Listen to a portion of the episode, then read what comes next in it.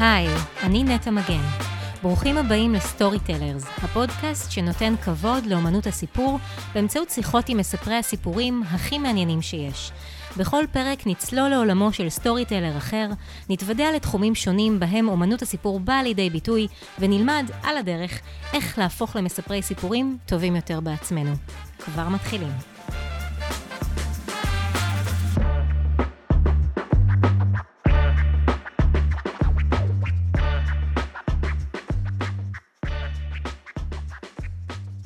האורח שלי היום הוא פסיכולוג, חוקר ומרצה על תופעת השעמום, או כפי שהוא מגדיר את עצמו, שעמומהוליק. הוא למד לתואר ראשון בפסיכולוגיה ובמדעי המחשב באוניברסיטה העברית, והוא בעל תואר שני בפסיכולוגיה קוגניטיבית מאותה אוניברסיטה. את המחקר על תופעת השעמום החל בתואר השלישי באוניברסיטת בן גוריון, כאשר במסגרת עבודת הדוקטורט שלו עסק בשאלה כיצד אנו לומדים למצוא דבר מה שיעניין אותנו לאורך החיים וייתן לנו תחושה של טעם ושל זהות עצמית. בין לבין הוא הספיק ללמוד מוזיקה בבית הספר רימון ולטייל לא מעט באירופה, וכיום הוא מרצה על נושא השעמום באוניברסיטה הפתוחה ובמגוון מוסדות וארגונים נוספים. הולך להיות לנו פרק מאוד מאוד לא משעמם, מבטיחה לכם. אז אה, ערב טוב לך, דוקטור גדי און. איך זה היה לשמוע את כל מה שסיפרתי עליך? איזה התחייבות, אתה יודע... כל פעם שאתה מדבר על השעמום, ישר עולה השאלה אם זה הולך להיות משעמם או להיות מעניין. בדרך כלל מה שאני אומר זה שאו שתבינו משהו לגבי השעמום, או שתחוו אותו. זה כאילו ככה או ככה תלמדו משהו. אז בואו נעשה כמיטב יכולתנו כדי שילמדו ולא יחוו, אני בטוחה שמהצד שלך זה יהיה 100% פיקס. אמ, אז ככה, אז אה, מעבר לזה שלפני שאנחנו מתחילים, סיפרת לי שאתה אה, גם פסנתרן וגם גיטריסט, שהנה זה כבר שני תחומים מאוד מאוד לא, לא משעממים במוזיקה. לא, לא, לא, פסנתרן וגיטריסט זה... הגזמה, הגזמתי? סטרן וגיטריסט זה הרבה גדול להגיד עליי. כאילו, גדול. מנגן פסנתר וגיטרה אפשר להגיד. כן. ומנגן וגיטרה, אוקיי. מעולה. אז אולי אנחנו גם נגיע אה, לתחומים האלה ולמוזיקה, ואיך הם משתלבים בכלל בחיים שלנו כתחומי עניין, כדי אולי להתגבר על שעמום וכולי, אבל בואו נתחיל, מה שנקרא, מההתחלה, וננסה להגדיר אה, לנו ולמאזינות ולמאזינים, מה זה בכלל שעמום, ועוד פעם, בפריזמה מחקרית אקדמאית. מה זה שעמום? טוב, אז תראי, מבחינה אקדמית יש ניסיון כמובן להגדיר את התופעה של השעמום, את החוויה של השעמום בצורה שאפשר יהיה לחקור אותה, זאת הגדרה חד משמעית ומקובלת על כולם. אבל אם אתה עוקב אחרי המחקר בשנים האחרונות, מסתבר שזה לא כזה פשוט, אמ, גם כי השעמום מופיע בכל מיני הקשרים של החיים שלנו, עבודה, לימודים, זוגיות, פנאי, ולא בטוח שהוא בדיוק אותה חוויה בכל אחד מהמקומות האלה, וגם בגלל שהוא חוויה סובייקטיבית בסוף. כשאתה חווה חוויה סובייקטיבית, קשה להגדיר אותה בצורה חד משמעית, כמו כאב נגיד. אבל ההגדרה, אם תחפשי בספרות, תראי שההגדרה המקובלת פחות או יותר היא הגדרה של הצוות של החוקרים של ג'ון איסטווד, אמ, החוקר הקנדי, שהגדיר את השעמום בתור תופעה, זאת אומרת, בתור חוויה לא נעימה שבה אתה רוצה, אבל לא מצליח למצוא חיבור. רוצה, אבל לא מצליח למצוא משהו שיספק אותך. אני לא עד הסוף עם ההגדרה הזאת, אבל אני יכול לחיות איתה, בוא נגיד, בתור התחלה. זאת ההגדרה המקובלת, נאמר. האם הם מתייחסים למה זה חיבור? מה זה הדבר הזה שיספק אותך? אז איך זהו, מגדירים את זה? אז זה בדיוק הבעיה. נגיד, אני ואת עכשיו צריכים להגדיר מה זה חיבור, תחשבי רגע. Mm-hmm. זה נורא קשה לעשות. זה משהו אחר. זהו, mm-hmm. וגם המילה הזאת היא בכוונה מעורפלת, וטוב שהיא מעורפלת, כי כל אחד איכשהו מוצא אותה בדרך אחרת. כל אחד מוצא חיבור. חיבור זה דבר שונה עבור כל אחד.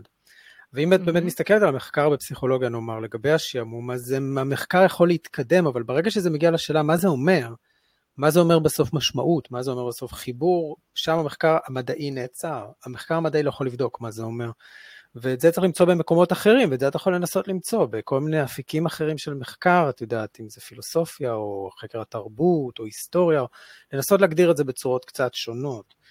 Mm-hmm. אם את רוצה איזו הגדרה כזאת ממש ככה בשליפה, בגדול, אם אתה מדבר על חיבור או על משמעות, וזה יהיה מילים קצת גדולות, אתה מנסה, זה הניסיון לעשות את הדברים שאתה עושה בחיים עם איזושהי תחושה של ביטוי אישי.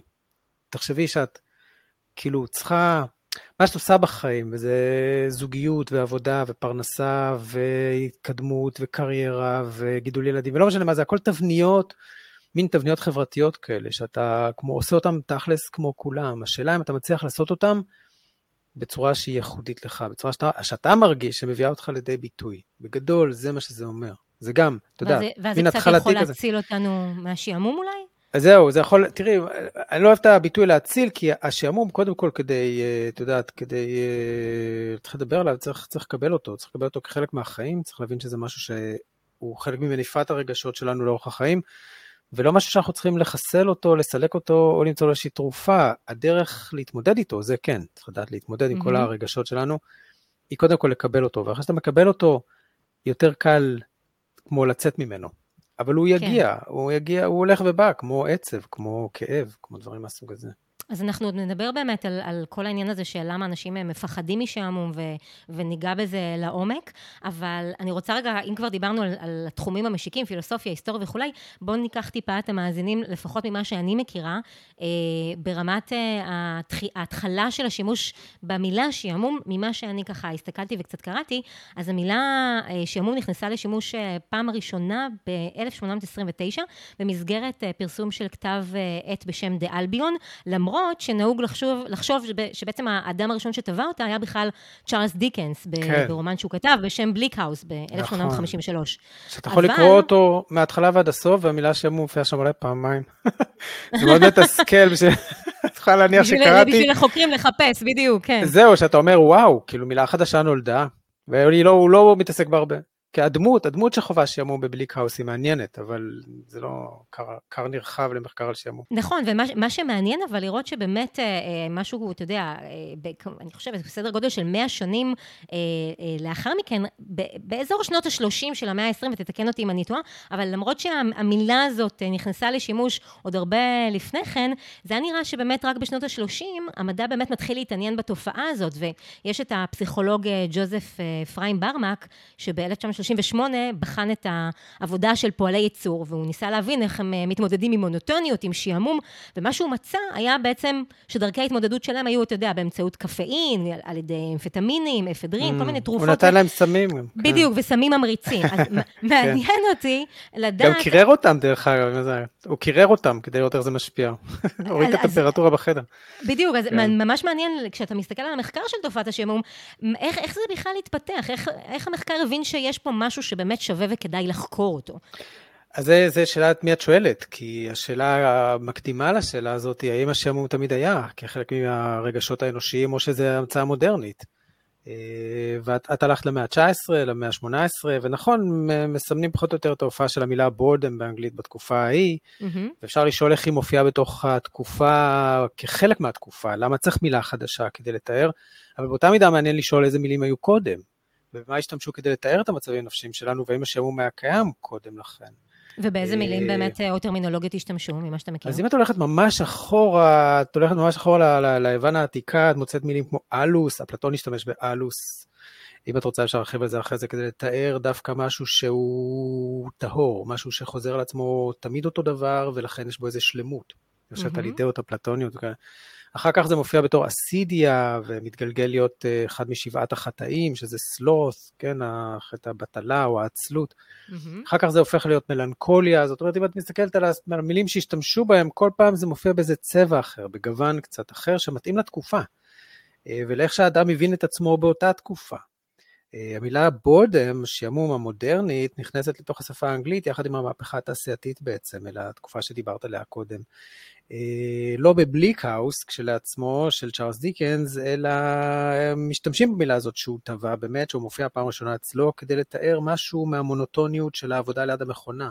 Mm-hmm. משהו מהמונוטוניות, אגב, עבודה ליד המכונה, האדם בעצמו נהיה מכונה. זאת אומרת, האדם בעצמו, מעצם העובדה שהוא חוזר על מה שהוא עושה שוב ושוב, שואל את עצמו בסוף, במה הוא שונה ממכונה, כן, ומה הייחוד שלו, וכאן אנחנו נכנסים באמת לשאלות של המשמעות, ושל טעם, ושל, ושל איך אתה מוצא את הביטוי האישי שלך, נוכח התעשייה, כן. עכשיו, תעשייה, את יודעת, זה לא רק, דיברת על ברמק קודם, ברמק זה התפתחות של משהו שהיה, ברמק הוא אמריקאי, זה התפתחות של משהו שהיה בבריטניה לפני זה, המחקר המודרני המדעי לגבי השם הוא מתחיל במה שנקרא הוועדה, אל תפסי אותי בשם, הוועדה לחקר העייפות בתעשייה, okay. פתיג, industrial fatigue באנגלית. Uh, מה שקרה, בעקבות המהפכה התעשייתית, uh, הממשלה הבריטית הבינה שהעובדים נהיים פחות פרודוקטיביים ליד ה... ליד המכונות. קווי המכונה, מעניין. כן. למה, כן? פשוט הפרודוקטיביות שלהם יורדת בשעת הצהריים, ואז הם לא... והקימו ועדה לחקור את זה. לא ידעו מה יכול להיות הסיבה לזה, והוועדה הזאת היא מן הניסיון הראשון, כזה שנות ה-20, הניסיון הראשון, ואגב, נורא מעניין, חוקרת עמדה בראשה. אה, הניסיון הראשון לחקור את התופעה הזאת ולהבין למה לא, ואחת המסקנות הראשונות של הוועדה הזאת הייתה שזה לא תופעה כללית, זאת אומרת, זה אנשים שונים מגיבים בצורה שונה למונוטוניות שליד המכונה, שאני שזה טוב להם. מיעוט, אבל יש כאלה, הרוב זה באמת לא טוב להם, אז מין המונח שם הוא בודם, מופיע כחלק מהמהפכה התעשייתית, והאדם מוצא את עצמו במין סיטואציה חדשה, שאפשר לדבר עליה הרבה אם את רוצה, לא רק העובדה שזה מונוטוניות, אלא גם הקיטוע או החלוקה של היום בין שעות העבודה לשעות הפנאי. לפני המהפכה התעשייתית היה הרבה יותר מיזוג בין שעות העבודה לפנאי. אנשים עבדו יותר במקומות, במקומות שבהם הם גרו, נגיד תחשבי על כפר, כן? אז יש לך ג'ון שעושה קדים, אז הוא גר כמה בתים ליד הקדר, אז הוא הולך לשם. אנשים השתתפו בתהליך הייצור מההתחלה ועד הסוף, הכירו את הכד על כל החלקים שלו וכן הלאה, אה, ועבדו במקום שבו הם חיו. עם המהפכה התעשייתית יש ניתוק גם בין המקום שבו אתה חי למקום שבו אתה עובד. עכשיו אתה צריך לנסוע בבוקר אל העבודה, אז יש הפרדה כזאת בין עבודה לבין משהו לא עבודה. ואז נשאלת השאלה, אוקיי, נגיד סיימת את יום העבודה שלך, עכשיו מה אתה עושה בלא עבודה? מה אתה עושה בחלק השני, ואז נכנסת, בכלל נולדת כל תרבות הפנאי. Mm-hmm. שהיו צריכים לקחת אנשים ועכשיו איכשהו למצוא משהו ש, ש, שהם יעשו כשהם חוזרים הביתה. ובאופן מעניין, מה שקרה זה שגם על שעות הפנאי התעשייה השתלטה. זאת אומרת, נוסדה תעשייה של פנאי.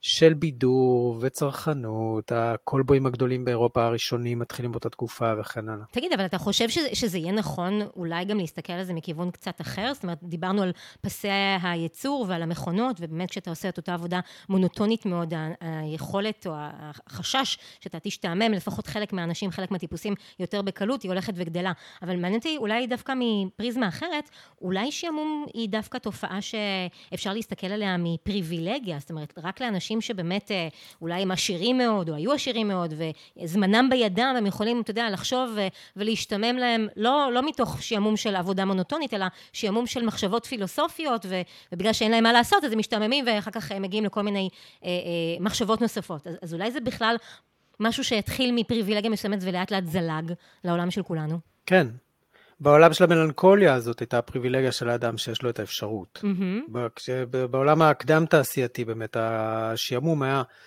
היה נחלתם של אנשים שיכלו להרשות לעצמם, את יודעת, לשקוע בתוך פנאי ולא להיות עסוקים וטרודים בענייני פרנסה והכול, אבל הם לא מספרים שזה דבר טוב. בעיקרון, בוא נגיד, באופן עקרוני, הרעיון היה, הרעיון הכללי היה, שדווקא בשעות הפנאי האדם יכול לצמוח ולהתפתח. כלומר, דווקא כשהוא לא עובד לפרנסתו, אז יכול להעמיק, אני לא יודע, בלימודי הקודש, או לקרוא דברים, את יודעת, ולהסתכל, לקרוא שירה, להתעניין בתרבות. אבל איכשהו דווקא מעמד האצולה, אה, שהיו לו את האמצעים ולא היה צריך לעבוד לפרנסתו, מאוד, מצא את השעות האלה של הפנאי מעיקות מאוד. ואנחנו רואים את זה גם היום, כן? אם אתה לא ממלא את השעות של הפנאי באיזושהי התעמקות, באיזשהו ניסיון, את יודעת, להעמיק לתוך עצמך ו... ולנסות למלא אותה באיזשהו תוכן שהוא יותר מחובר אל מי שאתה, אז מהר מאוד זה הופך למשהו מאוד מעיק. אז אנחנו נדבר בהמשך באמת על, אה, אפילו אולי קצת יותר לעומק, על הקשר בין עבודה לשעמום ואושר, או אומללות, אבל מעניין אותי לשאול אותך ככה, אה, איזה... היום דרך אגב, כן? רק, רק בזה, היום דרך אגב מספרים לנו שהעבודה היא האושר. זה רוצים למכור לנו את זה. תחשבי על זה רגע. כן, רוצים לקרוא לו שדרך העבודה האדם יכול להיות מאושר, לא בפנאי שלו, לא בתוך העבודה עצמה. לא לקבוע לעצמו. נכון, נכון. כן, בדיוק. תראה, כן. אה, אפשר לבוא ולהגיד שיש חלקים מסוימים, עוד פעם, הכל תלוי ותלוי טיפוסים בעיניי, ותלוי מה אתה מחפש בחיים, אבל אי אפשר לבוא ולהגיד שלעבודה אין משמעות בחיים שלנו, מעצם העובדה הבסיסית ביותר, שאנחנו משקיעים איקס מסוים די גדול של אה, שעות עבודה במהלך היממה. אז לפחות אתה יודע שיהיה איזשהו קשר, אה, ולו מינימלי, לתחושה שהיא, אה, שהיא משמעותית, כזאת או אחרת. לגמרי. ואמרו את זה פסיכולוגים, אתה יודע, אריקסון ואחרים אמרו את זה, אבל יותר מאשר השאלה של כמה שעות אתה עובד, יש את השאלה הזהותית. מה אתה עושה גם בעבודה? מה, מה אתה עושה? כי מה שאתה עושה זה מי שאתה נהיה. ולא משנה מה אתה, באיזה תחום של עבודה אתה עושה, לא חשוב מה אתה עושה. אם אתה עושה את זה מספיק שעות, למשך, למשך מספיק ימים, זה מעצב את הזהות שלך, mm-hmm. זה הופך אותך למישהו. ואתה יכול להסתכל על המקום העבודה שלך, והצעה, וכאילו, אתה יודע, אתה, אתה יכול להשתומם מהעובדה שזה מי שאתה. אתה רוצה להיות משהו אחר, רוצה להיות יותר. אבל זה מעבר ל... עוד לפני שסופרים שעות, זה המחיר האמיתי של עבודה. אוקיי, okay, אז תגיד, איזה מחקרים אה, עדכניים אה, מעניינים או משמעותיים יש כיום, בוא נגיד בעשור האחרון בתחום השעמום, דברים ששווה לדבר להזכיר? שני התחומים שנחקרים הכי הרבה בשעמום בעשור האחרון על ידי פסיכולוגים, שוב, זה שעמום שקשור למקום העבודה ושעמום שקשור להשכלה. בכוונה אני אומר השכלה, לא רק לימודים, כי לימודים נשמע כזה, את יודעת, בית ספר mm-hmm. יסודי.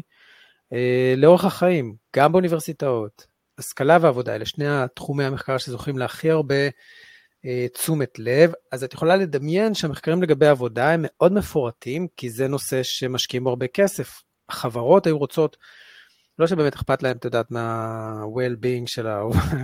של העובדים שלהם, אלא הם היו רוצים פרודוקטיביות, ושעמום הוא כמו מפריע לזה. ואגב, אתה, אתה רואה את זה גם כשאתה בא להרצות במקומות עבודה, שהם לא אוהבים כל כך לדבר על הנושא הזה, קשה להם איתו קצת. אה, להודות שיש שעמום ומה עושים איתו. אבל יש הרבה מחקר לגבי השעמום במקום העבודה, ויש המון המון מסקנות למה ניתן לעשות ואיך ניתן לשפר, ו... ואפשר אם את רוצה להיכנס לזה יותר, יש, יש די הרבה מסקנות לגבי מה יוצר את השעמום בעבודה, ואיך מתמודדים איתו, ואיך משנים אותו, ומשפיעים עליו. אז בואו בוא ניקח אולי באמת ליצור... איזושהי אה, דוגמה מסוימת אה, שזכורה לך, או שאתה מכיר אה, מהשנים האחרונות, שיכולה ככה לתת לנו איזשהו צוהר לעולם השעמום בעבודה. כן. אז נגיד, תשאלי כל אחד, אפילו בלי שהוא קרא את המחקר, הוא יגיד לך ששעמום בעבודה זה עניין של מונוטוניות, כמו שדיברנו קודם, מהפכה תעשייתית, זוכרת? אז, אז זה כאילו המבט הראשון, אבל מחקרים מראים שזה הרבה מאוד תלוי בעניין החברתי גם, בתוך מקום העבודה. חברתי בשני מובנים, א', במובן של נהלים ו- וכמה מקום העבודה הוא מגביל, והדרישות שם הם כמו, את יודעת, אה, מגבילות את היחיד במה שיכול לעשות, את העובד, מה שיכול לעשות במקום העבודה שלו, ככל שה... ככל שמקום העבודה יותר מוגבל, וככה לא מאפשר לך לבטא את עצמך, ככה המצב קשה mm-hmm. יותר שם. ובית הסביבה החברתית עצמה, איך אנשים מגיבים, השעמום הוא מדבק. ואם אתה חי בתוך סביבת עבודה שבה אנשים לא אוהבים את העבודה שלהם וקשה להם לעבוד אותה והם משתעממים ממנה, אז מהר מאוד זה הופך למגפה במקום העבודה. אה, אז נגיד, אלה שני, שתי זוויות שנחקרו די הרבה לעומק. מילת המפתח, אם את רוצה לסכם את המחקר הזה, היא משחוק. גמיפיקציה. אה, משחוק, גמיפיקיישן, כן, משחוק, זה הבאזוורד כרגע בתחום הזה. אה, להגיד לך שעשו המון עבודה שפורטת את זה לפרטים, לא, אבל זה מתחיל. ומנסים להבין איך אפשר להפוך את העבודה לסוג של משחק. משחק, אני מתכוון לא רק במובן של מה שאתה עושה כשאתה עובד, אלא גם ביחסים החברתיים בתוך mm-hmm. העבודה. אני גם חושבת שאגב, שוב, כנראה שעוד אין מספיק אה, מחקרים, או בכלל מחקרים על הדבר הזה היום, אבל תחשוב, בעידן הכמעט פוסט-קורונה לגמרי, כל עולם התעסוקה השתנה לחלוטין, וגם אה, החלק הזה של שעמום בעבודה, ואיך אני בכלל בא לידי ביטוי, ומביא לידי ביטוי את עצמי בעולם שבו הקשרים החברתיים והמרקמים החברתיים השתנו מאוד מאוד. כשאנשים עובדים כמעט, אה, אה, לא, לא כמעט ב, ב, בכל מקום עבודה, אבל במקומות עבודה רבים, כשהם עובדים מהבית, ולא רואים אנשים אחריהם, אני לא יודעת איך זה גורם לרמת השעמום, האם היא צונחת או, או דווקא עולה. השעמום לבד הוא הכי קשה, בוא נגיד את זה ככה. עדיף סביבה חברתית שבה יש עוד אנשים, אבל תלוי כמובן איזה יחסים יש בין האנשים, ומה, איך הם משתפים פעולה אחד עם השני, ואיזה סוג של יחסים יש ביניהם. אה, יש מקומות עבודה שזה מה שהם עושים, עושים מין סדנאות כאלה, את, את אומרת, חזרה מקורונה, את יודעת, חברות בלי להזכיר שמות, אני יודע כי השתתפתי, אז הם עושים מין פאנלים כאלה, מין פעילויות כאלה, להחזיר את העובדים mm-hmm. לעבודה, וליצור אפשרות שיתוף פעולה ביניהם. יש אפשרות, אה, שוב, באמצעות הרעיון הזה של gamification, להפוך, להפוך את ממשק העבודה לסוג של משחק. אה, כמובן, יש בקרה ואת יודעת, כל זה, אבל, אבל בעיקרון להפוך את זה לסוג של משחק, וככה לשפר את שיתוף הפעולה ביניהם. ואם אנשים לא נפגשים פנים אל פנים, זה יותר קשה לעשות. הרבה יותר קשה. לעשות. תגיד, יש אה, סוגים שונים של שעמום? ואם יש סוגים שונים, איך בעצם מסווגים אותם? עוד לפני הסוגים השונים, קודם כל ברור שנעשתה עבודה כדי לנסות לאפיין סוגים שונים של שעמום, אבל לפני זה צריך לזכור שיש הקשרים שונים של שעמום. דיברנו על הקשר אה, של שעמום בעבודה, יש גם הקשר של שעמום בלימודים, בפנאי, בזוגיות וכן הלאה. אז יש, זה מופיע בהקשרים שונים, זה עוד mm-hmm. לפני סוגים. אבל בגדול, אם אני מנסח כזה את המסקנה שלי מכל החלוקות שאני ראיתי, וראיתי הרבה כאלה, okay. אוקיי. תאמין לי, הרבה חלוקות של השעמום לסוגים שונים, אני חושב שבסך הכל יש שני סוגים של שעמום, אפשר להגיד באופן כללי כזה. הראשון שעמום ב-B קטן, קוראים לזה, כן, B בורדם, B קטן, ושעמום ב-B גדול, capital B של בורדם, שזה השעמום הגדול. השעמום הקטן הוא שעמום מצבי, אתה חווה אותו בנקודת זמן מסוימת, ואתה לא, הוא לא גומר אותך, לא מוחץ אותך, לא הורס אותך, אתה חווה אותו בצורה סבירה, והוא חולף לו. כשאתה מסיים את האקסל, או בלי להגיד שמראה על אקסל, כשאתה מסיים את האקסל, או כשאתה מסיים את מה שאתה עושה, אתה יוצא מזה לאיזה משהו אחר, מתמלא בחזרה בחיים ובעזוז, ועושה את מה שאתה צריך. זה שעמום בבי קטנה. שעמום בבי גדולה הוא מסובך יותר, הוא נקרא לפעמים שעמום קיומי, או בלעג שעמום אינטלקטואלי, והוא סיפור יותר מסובך. הוא סיפור שבו השעמום הוא כבר לא רק עניין מצבי, נקודתי, אלא הוא מלווה אותך בזוויות שונות של החיים שלך. זה יכול להיות בעבודה, בפנאי, בזוגיות, באהבה, בלימודים, במה שזה לא יהיה, לאן שאתה לא הולך, אתה כאילו נושא אותו איתך, ואתה לא מצליח לראות את עצמך משתקף או מתבטא בדברים שאתה עושה, ואתה מרגיש שאתה עושה את הדברים באופן סתמי, הם מרגישים לך טפלים וסתמיים, זה שעמום mm-hmm. כללי יותר, כמו, במקום שהוא מין מצב שבו אתה נמצא, הוא כמו חוויה קיומית. הוא כמו מצב תודעתי שבו אתה נמצא. אתה ממש, מה שנקרא, מרים כאן הנחתה, כי כל התיאורים שאתה מתאר, הם מזכירים ככה תופעות של אה, דיכאון או של ריק קיומי, אז מה בין זה לבין השעמום? אז קודם כל, ריק קיומי זה מושג של ויקטור פרנקל, אה, שהמרכיב העיקרי בו זה שעמום, כן? אה, אז זה לא שני דברים סותרים. אבל, אבל בינו לבין דיכאון, אז כמובן נכתבו הרבה נכתב הרבה על ההבדל בין שעמום לבין דיכאון. זה לא אותו דבר, למרות שהם במידה מסוימת כמו משתייכים לשכונה משותפת. יש כמה וכמה הבדלים בין שעמום לבין דיכאון, ואם את רוצה רק בדוגמה אחת, האדם המדוכא לא מאמין שיכול להיות לו, שוב, אנחנו מדברים על דיכאון שהוא נאמר דיכאון קליני, כן? שוב, לא משהו מצבי קצר. האדם המדוכא לא מאמין שיכול להיות טוב, הוא לא מאמין שיכול, שאפשר ליהנות בחיים האלה, אה, או שהוא יכול ליהנות בחיים האלה. המשועמם לא. המשועמם מאמין שהוא יכול, זה פשוט לא קורה לו. נגיד, זה הבדל אחד. אבל הוא מאמין שהוא, הוא, שבכוחו לשנות את המצב ושהוא, עוד פעם, הוא מאמין שאפשר, הוא מאמין שיש. המשועמם מאמין שיש קיום שבו אפשר לא להשתעמם, והוא סובל מזה שהקיום שלו הוא לא כזה. Mm-hmm. המדוכא לא מאמין שיש קיום שבו אפשר להיות לא מדוכא. זה הבדל אחד, נאמר. יש עוד הבדלים. אז נגיד יש מה שקרה אנדוניה. אנדוניה זה מרכיב של דיכאון קליני שהוא חוסר יכולת ליהנות מדברים, דברים שבדרך כלל אנשים נהנים מהם, נגיד אוכל, אפשר להגיד לאוכל וזה שיחות על שעמום, כן. דרך, דרך אגב, לאכול זה אחד הדברים שעושים שמשעמם, כאילו, תסתכלי נכון על ילדים שמשעמם להם. אני לא צריכה להסתכל על ילדים, אני יודעת מה קורה איתי, כשמשעמם לי אני הולכת למקרר, ישר. זהו, בדיוק, פותח סוגר ארונות, בדיוק, זהו. אגב, זה, זה קטע מטאפורי, לפתוח ולסגור ארונות, אני קצת אסוציאטיבי, מקווה שזה בסדר, זה לפתוח ולסגור ארונות, זה כאילו, מה מסתתר שם מאחוריה? מעניין מה מסתתר שם, תפתח את המקרר, אולי יש איזה משהו שיבוא ויגיד לך, הנה, קח אותי. בוא איתי, אתה יכול לפתור את השם. אתה גם יודע מה הכי יפה בכל הפתיחת וסגירת ארונות, ששום דבר גם לא משתנה. חמש דקות אחרי שחזרת נכון. למקרר או לארון, המצב נשאר והיה בדיוק, בדיוק כמו שהוא היה. נכון, כי זה לא ארון שאתה פותח ופותר לך את השעמום. זה לא כך, זה לא עובד ככה. Mm-hmm. זה אותו דבר כמו למצוא את עצמך, אני לא אוהב את הביטוי הזה, אבל נגיד נשתמש בו כרגע. זה כמו למצוא את עצמך, שזה בעצם לא... אין מקום שבו אתה נמצא שאתה צריך למצוא.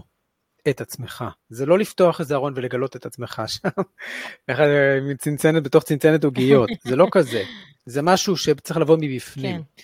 אז נגיד אנדוניה, זה חוסר יכולת ליהנות מדברים שבדרך כלל אנשים נהנים מהם, את יודעת, אוכל, מין, דברים מהסוג הזה. ובדיכאון קליני אנשים מאבדים את היכולת הזאת. זה אחד מהמאפיינים של דיכאון קליני, או סימפטומים של דיכאון קליני. אבל המשועמם הוא לא כזה, הוא לא איבד את היכולת ליהנות ממין, או מאוכל, או מדברים אחרים, הוא פשוט לא יודע איך, איך להגיע לזה, איך עושים את כן. זה. בדיוק. תגיד, אגב, אה, אה, בהגדרה של ה-B הגדולה, של ה-capital B, של השעמום, האם יש איזשהו פרק זמן מינימלי שאדם צריך אה, לסבול מאותה תחושת שעמום כדי, כדי שהוא יהיה מוגדר כ-capital B, או שזה לא נטוע בזמן? זה עוד לא שם, אנחנו עוד לא, אם אין לנו הגדרה, אתה יודע, אתה מגדיר של ה... בוא נגיד, ההפרעות הנפשיות, או הפסיכופתולוגיות, ה-DSM, כן. לא כולל הגדרה של שעמום קיומי. Mm. מהסיבה הפשוטה שיש מחלוקת בין החוקרים איך להגדיר את זה, ושלא מתעסקים בזה מספיק שנים כדי להכיר בתופעה שהיא נפוצה מספיק, מסיבות כאלה, כן, של התחום, של הקהילה של הפסיכולוגים. אז אין לנו הגדרה מהסוג הזה. אבל אני אגיד לך משהו אחר, יותר דרמטי מזה, אני חושב שהשעמום הקיומי נמצא שם מתחת, לה, מתחת לפני השטח אצל כולם. פשוט אצל כולם. אני חושב, האפשרות שברגע אחד, במרחק נשימה, כאילו, אתה פוקח את העיניים, אתה מסתכל סביבך, והכל נראה לך סתמי וטפל, היא כל כך מוחשית. זה יכול לקרות כל רגע, בכל יום, לכל אחד. עכשיו, השאלה הגדולה, נאמר, היא מה אתה עושה כדי שזה לא יפתיע אותך, כי יש משהו מאוד מאוד לא נעים, unnerving, מאוד מאוד לא נעים בחוויה הזאת. השאלה מה אתה עושה כדי שזה לא יגיע. רוב האנשים בתרבות המערבית, דיברנו קודם על תעשייה וכאלה, רוב האנשים בתרבות המערבית פשוט מעסיקים את עצמם 120% מהזמן, מתכננים קדימה, נגיד היומן שלך, עד איזה שנה הוא? עד איזה שנה? עד איזה שנה הוא?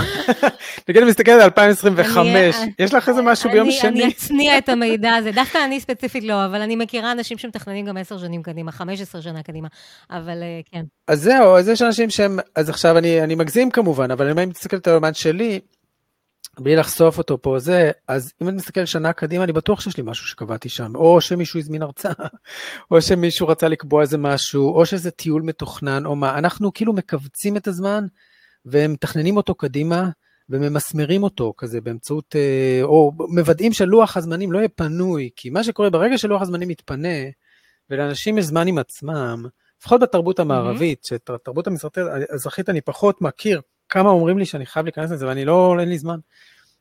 אתה, ברגע שאתה עוצר מהריצה, ואתה מסתכל מסביב, ההתרוקנות הזאת היא, היא במרחק נשימה.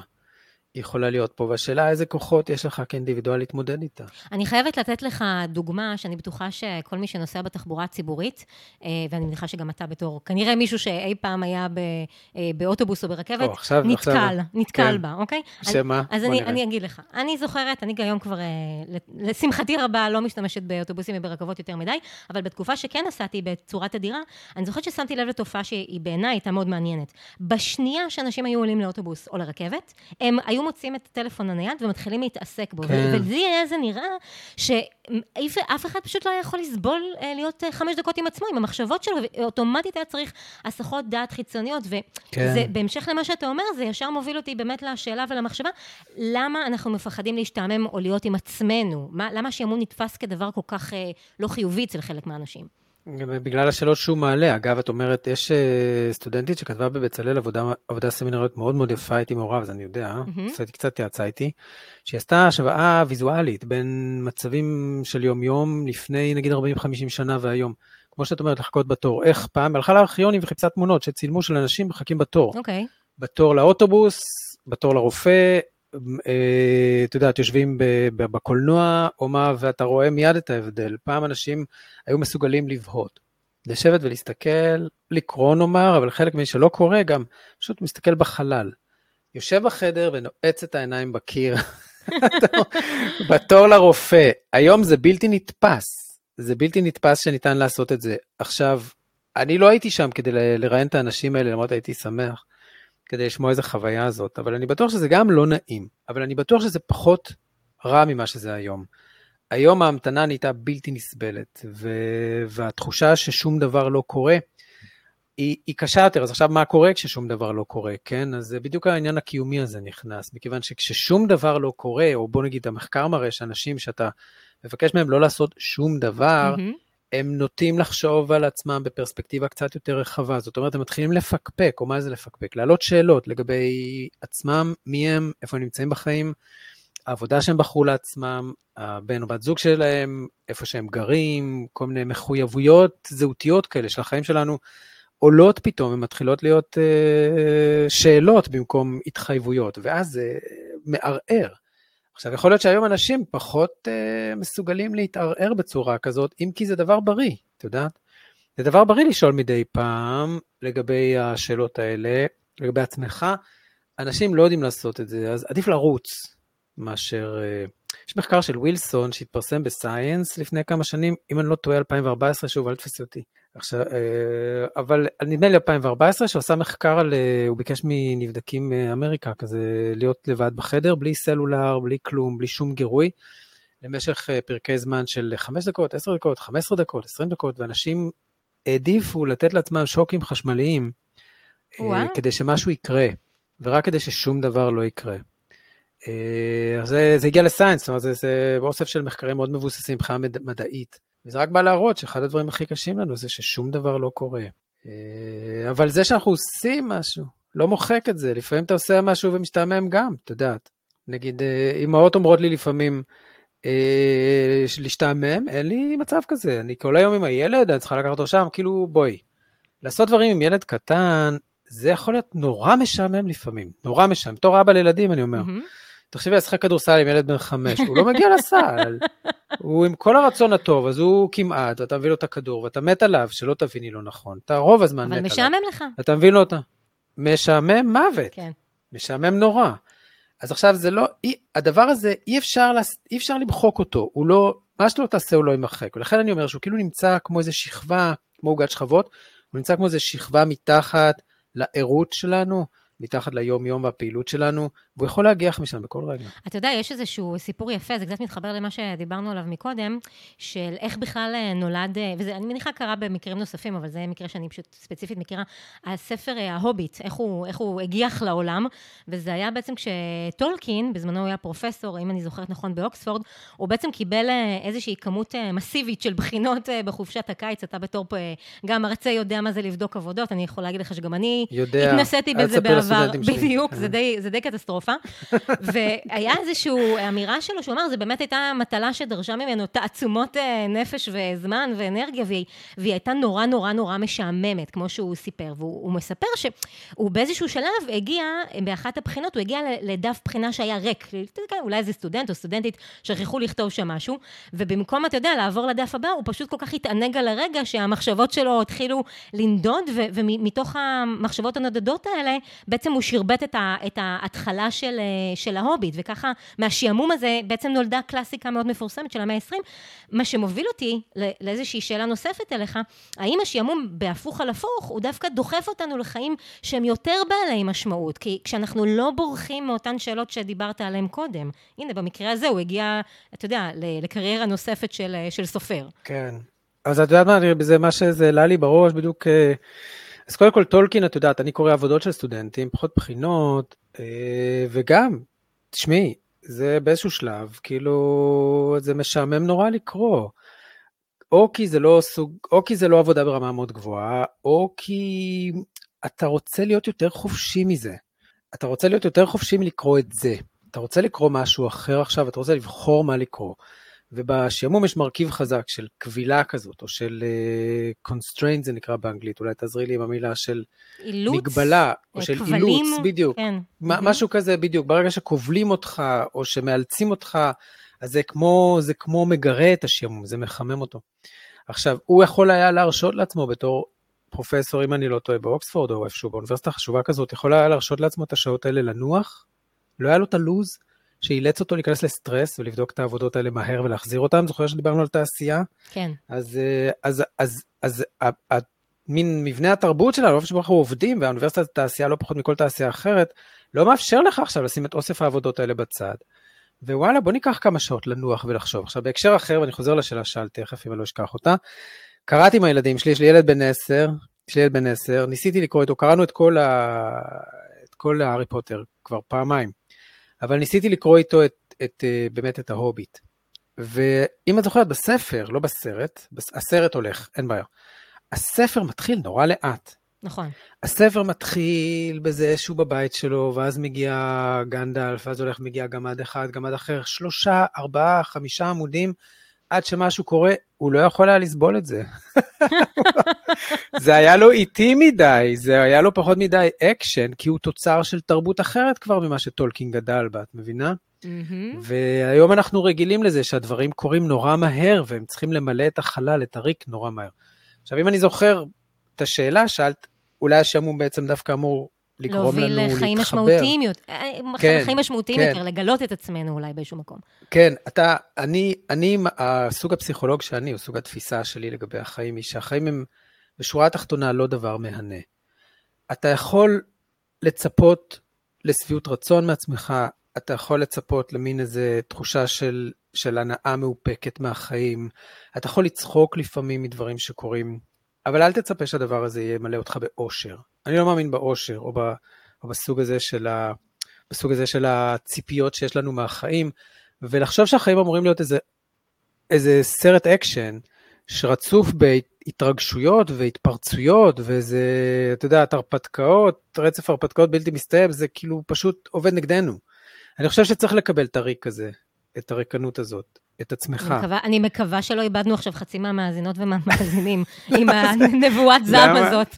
לא, לא נבואת זעם, אני כאילו אומר לכם את זה כמו שזה, כמו שאני רואה את זה. ברור, ברור, אני צוחקת. מי שרואה את זה אחרת, בכיף, יאללה, החיים שלך הם אוסף של, של הרפתקאות, ואתה מרגיש מאושר ממה שאתה עושה, אני, את יודעת, אז אין לי מה להגיד על זה. נהדר, תמשיך עם זה. אבל החיים שלי הם לא כאלה. אני לא רואה אותם בצורה כזאת, ואני חושב, אצל הרבה אנשים גם לא. אני חושב שיש משהו טוב, אני חוזר לשאלה שלך, יש משהו טוב בלקבל את זה בתור הנחת יסוד, ולהנמיך ציפיות ביחס לחיים, כי אם יש משהו שהתרבות המערבית עושה לנו, זה למלא אותנו בהמון, בכמות גדולה של ציפיות לגבי מה שהחיים אמורים להיות, ועם הציפיות באות אכזבות. Mm-hmm. ולקבל את העובדה שהחיים בסופו של דבר, יש בהם הרבה ריקנות, והחיים הם מאוד משעממים. יש שיר של ג'ון ברימן שהוא כתב בשנות ה-60 נדמה לי, אתה יודע, הוא היה משורר, שתיין ורודף נשים, אבל בגדול היה, הוא כתב כאילו, החיים, רבותיי, הם משעממים, אבל אסור לנו לומר את זה, לא בקול רם, בסדר? אז הנה, אנחנו אומרים את זה בכל זאת, בקול רם. החיים הם משעממים, החיים שלנו משעממים, של ההורים שלנו, יש בהם יותר שעמום ממה שאנחנו מוכנים להודות. בואו נתפייס עם השעמום, נתפייס איתו, ניתן לו מקום, ונקווה שאם אנחנו נצליח לעבור דרכו, כמו בתוך, את יודעת, כמו בתוך, בתוך חומר, בתוך, בתוך איזה נוזל, אם נצליח לעבור דרכו, למרות שההליכה שם היא קשה, נוכל לקבל גם איזשהו חיבור, גם איזו תחושה של משמעות מהחיים. אז לא איזה אושר, אבל איזו תחושה של סיפוק. למשל, מהיכולת לעשות דברים ולעשות אותם היטב, ולהרגיש שאתה יודע לעשות משהו בעולם הזה, וליהנות mm-hmm. לעשות אותו, משהו מהסוג הזה. מעניין. זהו, ואיבדנו את כל המאזינים. לכו לפודקאסט ש... זהו, לכו לפודקאסט האושר. לפודקאסט קצת יותר אה, חיובי ומשמח, פסיכולוגיה חיובית, כן. כן. אני חושב אה, דווקא לא, שזאת ראייה חיובית של החיים, לא שלילית, אבל אוקיי. אני לא יודעת אם היא חיובית או שלילית, אני חושבת שהיא בעיקר ראייה מפוקחת וריאליסטית. אה, שאתה יודע, אתה, כמובן שיש אנשים שנולדים, אני תמיד אומרת, אה, למשל, אבא שלי נולד אה, אופטימי, הוא כנראה נולד אופטימי וימות אופטימי והוא שמח תמיד. אבל רוב האנשים באמת כנראה יותר מסתכלים על החיים, אני נוטה להאמין מזווית הראייה שלך. אבל ככה מעניין אותי לשאול, אם דיברנו מקודם על ההוביט, יש איזשהו ציטוט נחמד שאני רוצה להקריא לך ולכל מי שמקשיב, מאליס בארץ הפלאות, והוא הולך ככה, אם מדברים על ספרים כבר.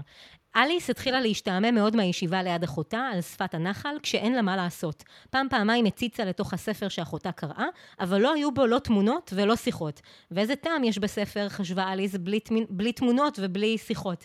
ואני רוצה לשאול אותך, ממה שאתה מכיר, אם קצת דיברנו באמת על ספרים, האם אה, הספרות הכללית או ספרות הילדים, ממה שאתה אה, אה, עוד פעם מכיר במחקר או בתחומים אחרים, האם היא מתייחסת בכלל לנושא השעמום? מעבר לציטוט הזה, כי אנחנו היום פה בפודקאסט אה, שהוא בסוף נקרא סטורי טלרס, אנחנו עוד נדבר עם כל מיני נקודות השקה אחרות על נושא של אמנות הסיפור, אבל בעיניי שעמום גם יכולה להיות נקודת תפנית בסיפור, כזאת שבעצם גורמת לגיבור שלנו לצאת ולעשות מעשה, להניע את העלילה. יש, יש ספרים לילדים כאלה. אה, יש בעברית אפילו כמה ספרים שנכתבו בעברית והם נהדרים. אה, בלי פרסומת או כרגע, אבל, אבל יש גם בהחלט, אחד מהם לפחות, הוא ספר שבו הילד כזה, והוא ספר נהדר, אז הילד משתעמם בבית וממה שהוא עושה, ובאמצעות הדמיון הם יוצאים למין הרפתקה כזאת, אה, לאיזו אונייה ולאיזה מקום, ו... ובסוף מגלים שהם בעצם בתל אביב, את יודעת, על פארק הירקון או משהו. אז אה, הוא יוצא באמצעות הדמיון. הם יוצאים באמצעות הדמיון לאיזו הרפתקה כזאת, שבאמצעותה הם מוחקים את השמום. או יש את פרדיננד והשעמום הגדול של דאטה בנדור, לדעתי זה תרגום לספר ספרדי במקור. שבו מתאר את השעמום של העבודה, של ההלוך ושוב בשדה, שהשור חורש את השדה, ויש, יש, השעמום מופיע הרבה פעמים בהקשרים של מונוטוניות, והדרך מה, לצאת מה ממנו... אבל, מה לדעתך מושך אבל אומנים או סופרים או יוצרים בכלל להתעסק עם הנושא הזה? כי הוא, תשמעי, להסתכל על האדם באיזה שאלת יסוד שלו, לראות אותו באיזה זווית שלו, שהיא זווית חשובה בחיים שלו, זה אף פעם לא משעמם. כי זה נוגע בכל אחד. ומכיוון שכל אחד אה, מכיר את התופעה הזאת או חווה אותה, אז כל אחד יכול להתחבר ולשאול את עצמו מה הוא עושה כשמשעמם לו, והאם הוא באיזה מידה הוא ילד, באיזה מידה הוא משתמש בדמיון, או שהוא מצפה שהחיים יהיו מסעירים, או משהו מהסוג הזה. אז אני חושב שזו נקודה נורא מעניינת, באמת, כמו שאת אומרת, השעמום יכול לבוא נקודה תפנית, כמו אם, אם אתה חש שהסביבה סוגרת עליך, אז אתה רוצה להשתחרר, אתה רוצה להיות חופשי. אז אתה משתמש באנרגיה הזאת שהשעמום מכניס, חוסר הנעימות הזאת כדי להשתחרר, וזה יכול להיות מאוד מעניין. אז בואו ניקח את זה רגע, נצא מ- רק מהפרספקטיבה של ספרות ילדים, ובואו נדבר רגע באמת על שעמום ועל ילדים. אני בטוחה שכל מי שמקשיב לנו, בין אם הוא היה ילד ובין אם עוד יהיו לו ילדים, אני מניח שכל מי שמקשיב לנו היה ילד, בואי נתחיל מזה. בדיוק. אני מקווה, לא, יש גם חלק, שתדע לך. שיש מאזינים ומאזינות צעירים מאוד לפודקאסט הזה. אוקיי. הם אמנם האחיינים שלי והם בני שמונה ושבע, אבל, אה, אבל יש, יש, אוקיי. ביקוש אה, גם בקרב אה, הקהל הצעיר. אבל אני, באמת מנסה ככה לחשוב ולבוא לעזרת הציבור, כש, כשאנחנו באים ומשתעממים בלימודים, ואתה בטוח זוכר את זה על עצמך, אני בוודאי זוכרת את זה על עצמי. יושבת ומשתעממת בכיתה, שעמומי מוות, ואתה בא להורים שלך ואתה אומר, אבל משעמם לי. ואיך אנחנו, קודם כל, השאלה הראשונה זה איך אנחנו באמת יכולים להבחין האם מדובר בשעמום אמיתי אצל ילד, או שמדובר בתירוץ שלא לעשות משהו שלא בא לנו לעשות, וב' איך מתמודדים עם הדבר הזה. האם אנחנו צריכים להפיג את השעמום אה, בצורה שהיא אקטיבית, או כמו שאתה אומר, לתת לילד להשתעמם, גם כשזה בתוך הכיתה, בתוך אה, בית הספר. בית הספר, את מתכוונת לבית ספר יסודי נגיד? זה babysitting. לא, לא רק. הזמן. לא רק, לא, לא, אני יכולה, בוא, בוא נרחיב את זה גם לחטיבת ביניים, תיכון. תראה, בכל קורס באוניברסיטה, נגיד שאתה לומד, אתה לומד מלא דברים שאף אחד מהם לא נוגע בדבר שמעניין אותך כשלעצמו. אה, הרבה פעמים אתה בעצמך לא יודע לנסח מה הדבר שמעניין אותך, וזה קורה תוך כדי הלימודים. אז הקורסים משעממים אותך, כי אתה לא יודע איך כל זה מתחבר. מתחבר אליך, אני מתכוון, כן? איך כל כן, הדברים כן. נוגעים במה שמעניין אותך. הרבה פעמים רק כשאתה מסיים את התואר הראשון, אחרי זה ממשיך הלאה, פתאום איזו שאלה מתחילה להטריף אותך. ואז כל מה שלמדת איכשהו מתחבר דרכה. ואז זה מעניין, כי ללמוד את הדברים כשלעצמם זה אף פעם לא מעניין. השאלה היחידה המעניינת היא איך הם מתחברים למה שמעניין אותך. אז נגיד, אני לא יודע, אם אתה פסיכולוג ואתה שואל את השאלה של זהות, זהות עצמית, מה זה זהות, איך היא מתפתחת וכן הלאה, אז פתאום המון דברים שלמדת ב-BA, נגיד אני, ונורא השתעממתי, פתאום יש להם איזה משמעות בקשר לזה, מהמם. כי הם קשורים לשאלה הזאת. עכשיו, בבית ספר יותר, אה, בבית ספר יסודי נגיד, או משהו, אז באמת מדובר בילדים, ואני חושב, זאת הזווית שלי, שבבית ספר הוא בכלל איזה מוסד חברתי שתפקידו לעשות קודם כל babysitting, או לשמור על הילדים בזמן שההורים שלהם אה, יוצאים לעבודה. ומה שהוא מקנה, אמור להקנות, לפחות בדעתי, זה מין מיומנויות סופר בסיסיות כאלה, שנדרשות כדי, את יודעת, לצאת לעולם ולמצוא לעצמך משהו לעשות בו. אז זה שפה ו- וחשבון במידה מסוימת וכן הלאה. מעבר לזה, לדעתי, מה שצריך ללמד ילדים, או להקנות להם, אה, ותכף נדבר על השעמום, ושוב, אני לא חושב שהשעמום הוא דבר שצריך למחוק אותו מהחיים, אני רק אומר, בהקשר של בית ספר, זה מיומנויות יומיומיות, מיומנויות בסיסיות, כן? מהמם. ברגע שילד צריך לספור עודף, כשהוא קונה ארטיק, אז הוא מבין חשבון, מה זה חשבון. וברגע שהוא הולך למלא עם אמא שלו דלק, אז הוא מבין מה זה 200 שקל או 300 שקל. אז הדברים צריכים להיות מחוברים ל... אני תמיד חושב שילד צריך בסך הכל שני דברים, ורוב רוב הזמן, רוב, רוב שאר הזמן הוא צריך לעשות בפעילות ספורטיבית, או במוזיקה, או באומנות, או ביצירה, או בדברים כאלה, לא אקדמיים. אני מדבר על בית ספר יסודי, כן? אני חושב שהוא צריך כן. משהו אחד שהוא טוב בו, משהו אחד שהוא יודע לעשות היטב. כל ילד יש לו את הדבר הזה שהוא יודע לעשות היטב. צריך לזהות את זה, זה תפקידו של מחנך, נאמר, ולתת לו לפתח את זה. ודבר שני, הוא צריך איזשהו תפקיד בבית, לפחות אחד, ולא להרגיש, הרי, ולא להרגיש שהוא בא, שהוא כמו צף בבית, שכאילו כל הבית מתנהל בלעדיו. היום הרבה פעמים, בגלל המבנה החברתי ומבנה שוק העבודה, ילדים מגיעים מהבית, אתה יודע, זורקים את התיק, זוכרת את זה? זורקים את התיק, מהמם. בום, כזה הצידה, ואז איזה, איזה תפקיד יש להם בבית? מה התפקיד שלהם בתוך ה... כלום. אין לא לחלוב אה, עיזים ולא לאסוף אה, ביצים של התרנגולות ולא לעשות כלום, לא צריך לנקש עשבים, לא צריך לעשות כלום, אז הם על המסך רוב הזמן. ילדים חייבים להיות חלק מהבית, במובן הזה שיש להם תפקיד אמיתי בתוך הבית, תפקיד ואחריות. אני חושבת שאתה יודע, גם אם אנחנו שמים את העיזים והפרות בצד, לדעתי בדור שלך ושלי זה עוד היה ככה יחסית ניתן למצוא. אני זוכרת שאני ואחותי הייתה לנו תורנות בואי לא שטיפת נגלה איזה דור כלים. זה רק. כן. זה דור, זה דור. זה כבר דור, זה כבר דור. דור, עתיק. זה היה דור, כן. זה היה דור. כן, לא, אבל אתה, אתה, אני מאוד מתחברת למה שאתה אומר, כי באמת זו דוגמה קטנטנה, אבל אני ממש זוכרת. זאת אומרת, מעבר לזה שאצלנו בבית, וכל אחד היה את המשימות שלו, לא אגיד לך שתמיד הם הולאו על הצד הטוב ביותר, אבל ביני. ובין אחותי, ממש הייתה תורנות שטיפת כלים. חילקנו ימים ראשון, שלישי וחמישי היא, שני, רביעי ושבת אני, ובשישי מתחלפים אחת לשבועיים, כן, כמו זוג. גרוש. זה נשמע זוג הראש בגן עדן. אבל, אבל תראי, ילדים צריכים לדעת שאם זה... כן, אם זה ארוחת ערב, היא על אחריותם היום, אז הם צריכים להגיד, אמא, אני צריך עזרה לחתוך זה, או אבא, אני צריך עזרה לחתוך זה, או כל... לפי הגיל, את יודעת שגם שאי אפשר לתת להם לעשות, אבל בגדול זה משהו שהם עושים, זה התפקיד שלהם לעשות בבית. זה מה שהם לא צריכים לקרוא להם לאכול. ו... נכון, אבל אני רוצה רגע אולי אפילו לאתגר אותך עוד יותר, שזו שאלה שהיא רלוונטית גם לעבודה וגם ללימודים. אה, אני מקווה בעיקר לשני התחומים האלה. אבל השעמום, אתה לא חושב שהוא הרבה פעמים יכול להצביע מנגד, לא בהכרח באמת על איזושהי בעיה כזאת או אחרת, אלא דווקא על יכולת מאוד מאוד טובה לקלוט מידע מהר, להבין אותו, לאבד אותו ופשוט להמשיך הלאה. ואז, אתה יודע, נגיד תסתכל על אנשים שקופצים בין עבודות, אוקיי? שנשארים בעבודה חצי שנה, שנה. האם, האם יכול להיות שפשוט הם הבינו את הפואנטה ומשעמם להם והם רוצים לאתגר את עצמם ולהמשיך ולהמשיך? את מתארת כזה כמו מדלג מפרח לפרח. הוא ימצא בסוף איזה פרח ששם לא משעמם בשום צורה, בשום זמן, בשום מצב. אין, לעבוד זה בהגדרה משהו כזה שהוא חוזר על עצמו ובו הרבה מרכיב, יש תמיד מרכיב שחוזר על עצמו. תשאלי כל אחד, מטייס ועד קייס. יש תמיד איזה פן בעבודה שחוזר על עצמו שהוא מונוטוני, צריך לחיות איתו, לקבל אותו. אה, והבעיה של אנשים שהם, אה, נגיד, כמו שאת מתארת, זה לא שהם מאוד מוכשרים, אלא שהם לא מצליחים לקבל את העובדה הזאת. להשלים איתה. Mm-hmm. זה לא אומר שכל העבודה היא כל הזמן משעממת, זה אומר שבכל עבודה יש מרכיב משעמם, לא יעזור כלום. לא יעזור כלום. החיים הם יותר משעממים ממה שנדמה לנו, אתה צריך לקבל את זה. לקבל את זה, להשלים עם זה, ואחרי זה לחשוב איך אתה בכל זאת מוצא לעצמך ביטוי. כן. תגיד, בוא נדבר טיפה גם על אה, היבט אה, תרבותי של, אה, של שעמום.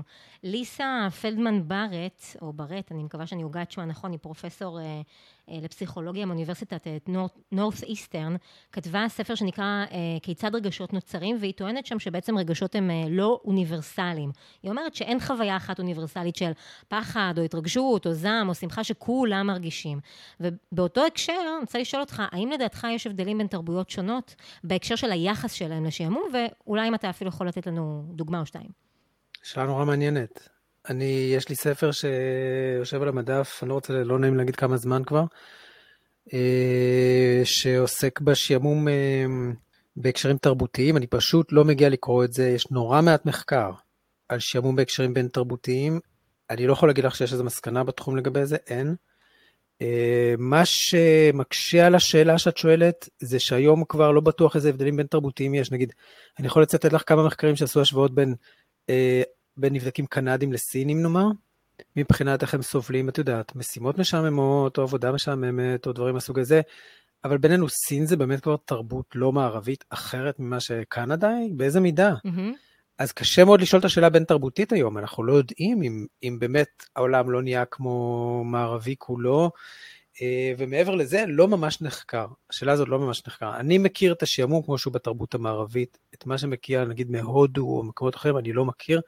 למרות ששוב, אומרים לי כל הזמן שאני אמור, שאני אמור, יום אחד אני אכנס לזה אולי, כן. זה, זה יכול להיות אה, תחום אה, בפנסיה. סופר, כן, כשיהיה לך, כשיהיה לך קצת משעמם בפנסיה, בדיוק, או זמן.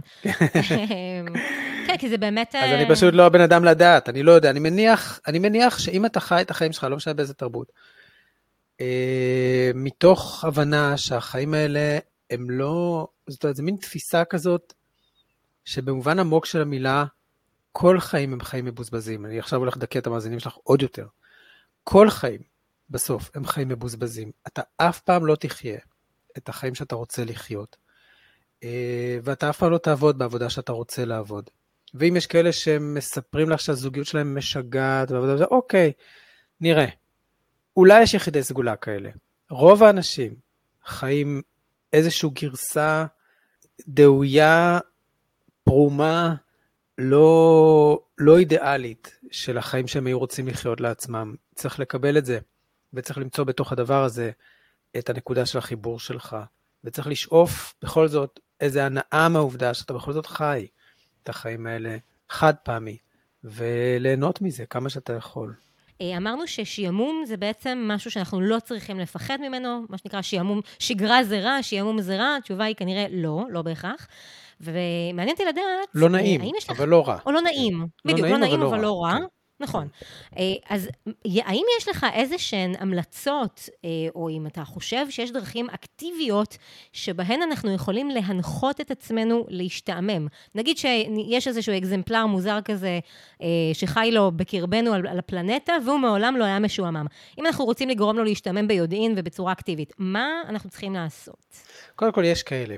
אז בואי, נאמר, יש, יש, אתה יודע, עשיתי רעיונות של אה, סיפורי חיים בדוקטורט שלי, אז יש, יש אנשים שמספרים שכאילו מגיל נורא צעיר, הם הרגישו איכשהו שהעולם הוא כמו מגרש משחקים בשבילם, והם uh, תמיד מוצאים משהו איכשהו להתחבר אליו, ולהיות, הם לא, לא חווים את החוויה של השעמום אף פעם, לא חוו אותה, ואם יש כאלה, יש כאלה, אתה יודע, בני אדם זה דבר מורכב, אז יכול להיות שיש כאלה. עכשיו, מי, ש, מי שטוב לו עם זה ואין לו בעיה עם זה, אז אין לו בעיה עם זה.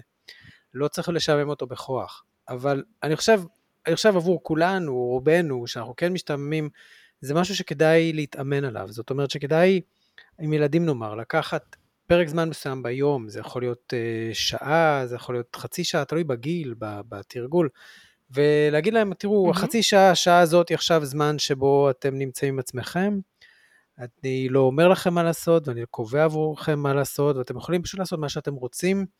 אה, אתם יכולים גם לשכב על הספה, להסתכל מהחלון, על העצים בחוץ, לשבת על הנדנדה בחצר, ופשוט לחוות את הזמן ולהרגיש אותו בלי שאתם נאלצים למצוא לעצמכם משהו לעשות. אז זה דבר שאפשר לעשות אותו עם ילדים ולומדים לעשות אותו. וילדים שלומדים לעשות אותו חווים טוב יותר את השעמום בצורה פחות מלחיצה, פחות אה, סטרס, עם פחות סטרס מאשר מי שלא. אני חושב שזה גם רלוונטי למבוגרים, לא רק לילדים. מה, מה אתה חושב? כן, גם למבוגרים זה בוודאי רלוונטי, שגם מתוך, את יודעת, מתוך... אה, הריצה של החיים שלנו, ניקח לעצמנו זמן שבו אנחנו יושבים עם עצמנו רגע ומחשבות שלנו בלי להיבהל מהם, ופשוט קיימים, פשוט נמצאים. יש הרבה טכניקות של מדיטציה ומיינדפולנס שיכולות לעזור בזה, אבל אפשר לתרגל את זה גם בלי זה, גם בלי שיש איזו טכניקה ספציפית שבה אתה משתמש. פשוט להיות, לתת לה זמן פרופורציה אחרת. כן, להרגיש שזה בסדר שאנחנו לא עושים כלום לרגע. בדיוק. כי זאת האמת בעצם. אתה, אתה עוצר את הכל ואתה מסתכל החוצה ואתה אומר, העולם הזה קיים, הוא היה קיים 13 מיליארד שנים לפניי והוא יהיה קיים אחריי, בוא נקווה שזמן ממושך לא פחות מזה. ו- ו- ו- ואני פה אורח ובאתי לרגע ואני מסתכל מסביב, וכאילו אין משהו ספציפי שאני אמור לעשות או חייב לעשות, או חייב להיות באותו זמן, וזה נותן פרופורציה לדברים. אתה הזכרת מקודם את הנושא של אה, אה, סיפורי החיים, שיטת סיפורי החיים שהשתמשת בה בדוקטורט שלך. אתה יכול טיפה כן. לספר לנו עליה? איך זה עזר לך באמת להבין אולי מה הסיפור שאנחנו מספרים לעצמנו בעולם השעמום, או אולי לא רק בעולם השעמום? כן, מה שעניין אותי זה השאלה איך השעמום נכנס לתוך החיים, ואיזה השלכות יש לו, סליחה, ואיך אפשר לראות אותו על רקע תהליך שהוא תהליך התפתחותי. אז לקחתי וראיינתי גם uh, מתבגרים, נגיד גילאי 15 עד 18, 17, וגם uh, מה שנקרא מבוגרים צעירים, שזה בגילאי 25 עד 30, וישבתי עם כל אחד מהם זמן ממושך לראיין אותו. עכשיו תראה, רעיונות uh, עומק, או רעיונות כאלה פנים אל פנים, הם לא דבר שקל לעשות, uh, כי גיליתי שאנשים די, זאת אומרת, מתביישים בשעמום, או שהם חווים אותו, או מתביישים במה שהשעמום גורם להם לעשות. אבל אם אתה לא בא מלמעלה, באיזה אופן, את יודעת, אה, מחנך במובן הלא טוב של המילה, או שיפוטי, אה, אלא יודע לבוא למישהו בגובה העיניים ולהראות לו שאתה מתעניין בו, אתה מגלה שבסופו של דבר אנשים אוהבים לספר על עצמם, וכשזה עובד, זה עובד. אתה מקבל חתיכה אמיתית מתוך החוויה בשפה של מי שאתה יושב איתו, שמספר לך איך זה מרגיש להשתעמם, משהו שאתה לא יכול לקבל אותו כשאתה עושה מחקרים כמו מחקרים סטטיסטיים כאלה, או אתה יודע, סיכומיים כאלה מעבר להרבה אנשים. אה, וכשזה עובד זה עובד, אתה מקבל, אה, אתה מקבל את החוויה כמו שהיא מרגישה, ואתה, ואתה, ואתה שומע איך אנשים מתארים אותה בשפה שלהם, בשפת הנפש שלהם. אתה זוכר איזשהו סיפור חיים כזה יוצא דופן, או משהו שחקוק לך? דווקא לא יוצא דופן. אם את רוצה יוצא דופן, אז, אז אני יכול לספר לך על מישהי שתיארה, אה, היא הייתה נדמה לי בת 30 כשדיברתי איתה, היא תיארה את הילדות שלה, היא סיפרה שזיכרון הילדות ה... הדומיננטי שלה או החזק שלה הוא שהיא מגיעה לבית חדש, mm-hmm. בכפר או משהו, והיא זוכרת עצמה רצה יחפה בדשא עם עצים ועם כזה כמו... העולם הוא מגרש המשחקים שלה, מין ממש כמו היידי בת הערים כזה. למי שיש את האסוציאציה כן. הזאת, רצה לה יחפה על הדשא כזה בתוך בין הערים שם, עם ה...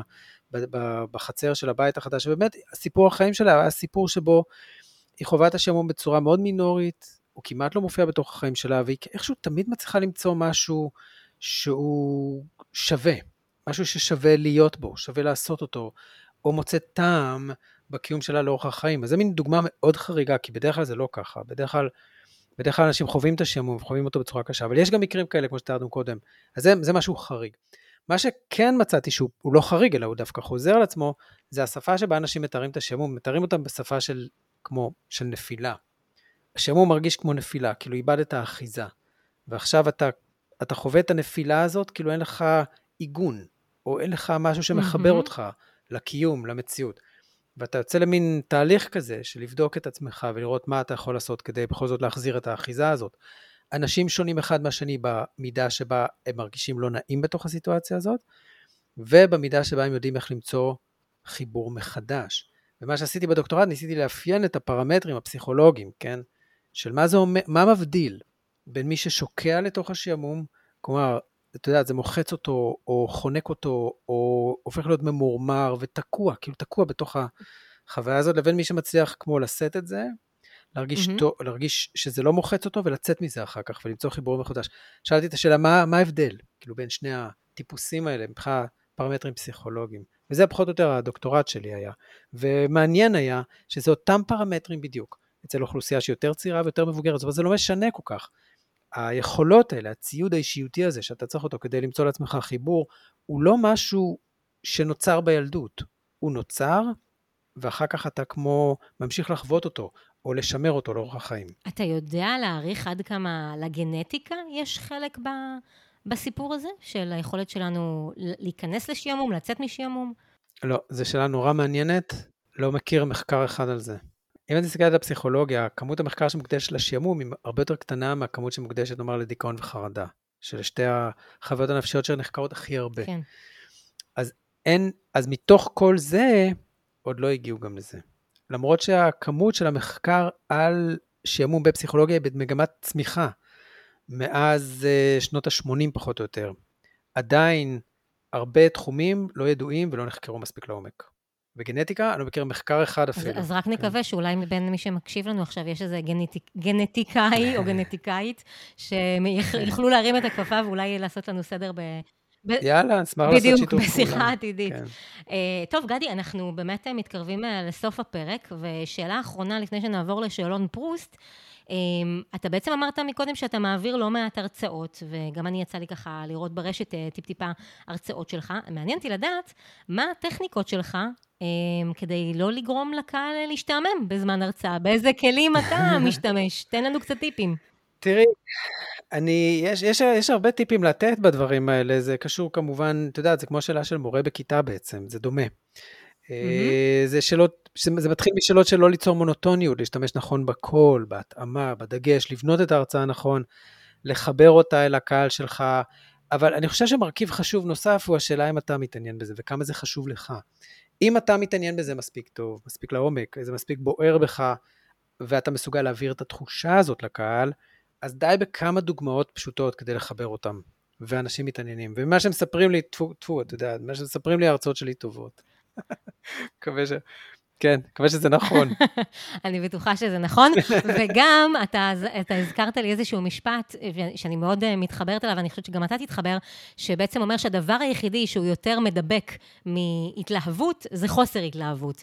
אז כשאנחנו מדברים נכון. בצורה שהיא מאוד uh, חסרת התלהבות, הנושא שאנחנו אמורים להיות מאוד מתעניינים בו, זה המכבה נאמבר 1 uh, בסיפור הזה. אני שמחה לראות שאתה מאוד מתעניין בנושא מעניין.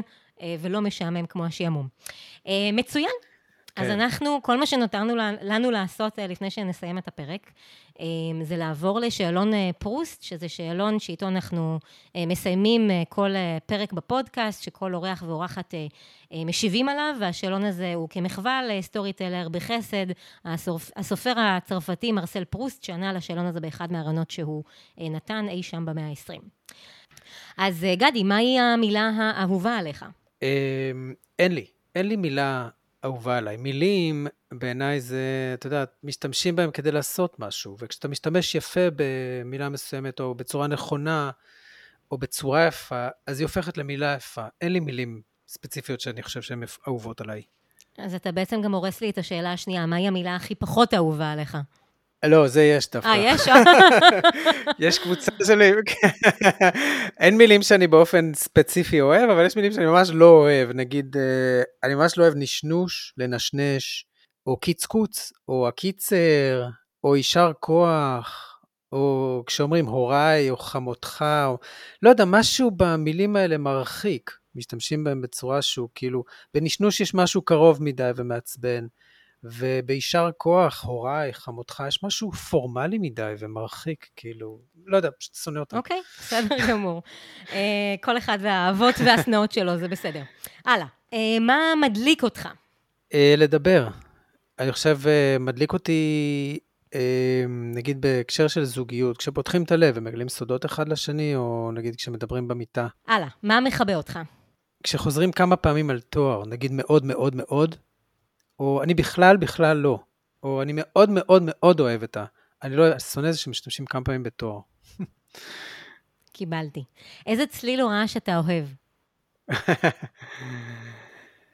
אני לא אוהב רעש, אני אוהב שקט באופן כללי. אני לא אוהב שמרימים את הקול. אה, אבל אם כבר מדובר על צליל, אני אוהב נגינה. אני אוהב, אני אוהב נגינה על פסנתר, גיטרה. לצערי, לא תמיד אני מנגן כך שאני אוהב את מה שאני מנגן, אבל נגנים שהם נגנים שהם מנגנים עם הרבה רגש ולא יותר מדי נקי. יש משהו מחוספס וחם שעובר בנגינה. מעולה. שאלת המראה, איזה צליל או רעש אתה שונא? מנועים מכל סוג. וזה החל מאוטובוסים, מכוניות ועד גינון. מכירה את זה? את המקסחות דשא mm-hmm. והמפוח הזה של האוויר והמזמרה החשמלית של השיחי, אני לא יכול לסבול את הרעש הזה. טוב, זה די הגיוני, בתור אדם שאוהב שקט, אז הצלילים האלה לא באים בטוב. זהו, בדיוק. הלאה, מהי הקללה האהובה עליך? סמק. אם לא היית עוסק במקצוע שלך, מה היית עושה או מה היית רוצה לעשות? לא הייתי אני, אבל uh, תמיד רציתי להיות סופר, ואני עדיין הייתי רוצה להיות. פשוט הכישרון דל ולא יציב. אוקיי, okay, באיזה מקצוע בחיים לא היית רוצה לעסוק? רופא שיניים. להסתכל על אנשים לתוך הפה כל היום, לחפור שם ולקדוח שם, לא, פשוט לא. אתה מסתכל להם לתוך הנפש, אז למה לא לתוך הפה? יש הבדל. יש הבדל בין לדבר לא איתם על עניינים שמעסיקים אותם לבין להסתכל על השיניים. אני לא בטוחה איפה יותר מלוכלך ואיפה יותר אה, אה, יש בעיות, אבל, אבל זה, תחשוב על זה, זה יכול להיות מעניין. זה בצורה שונה. כן, כן, כן. כן. אוקיי, שאלה אחרונה, אם גן עדן קיים, מה היית רוצה שאלוהים יגיד לך כשתגיע לשעריו? אלוהים, מה היית רוצה שהיא תגיד לי? אה, כל החיים טעית, ובכל זאת חיכיתי שתבוא. אוקיי. Okay. אז אני, כל מה שנותר לי לעשות אה, זה להגיד לך יישר כוח, סתם, סתם, סתם, בלי יישר כוח. תמסור להוריך. תמסור להוריך, תודה רבה שהולידו אותך והחלטת להגיע לפודקאסט. אה, אבל אני באמת רוצה להגיד לך תודה רבה על אה, פרק, אה, כמו שאמרתי בתחילת האפיזודה שלנו, פרק מאוד מאוד מרתק ומאוד מאוד לא משעמם, למרות שחזרתי פה פעמיים על המילה מאוד ואתה לא אוהב את זה. ואני אגיד שבאמת, ככה, על רקע המוזיקת הסיום שמתחילה לעלות לה, אני רק אגיד למאזינות ולמאזינים שלנו, שאנחנו ניפגש בפרק הבא של סטוריטלרז, וכל מה שנותר לכם לעשות עד הפרק הבא, הוא לחשוב מה הסיפור שלכם.